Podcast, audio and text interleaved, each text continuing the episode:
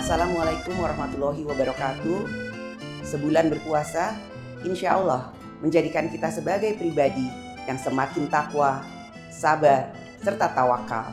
Tunaikan nilai-nilai ibadah Ramadan dalam kehidupan sehari-hari.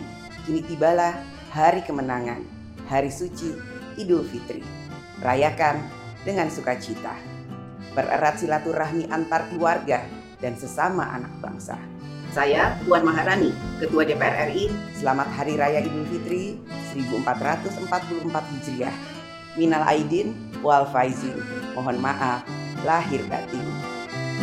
Wassalamualaikum warahmatullahi wabarakatuh.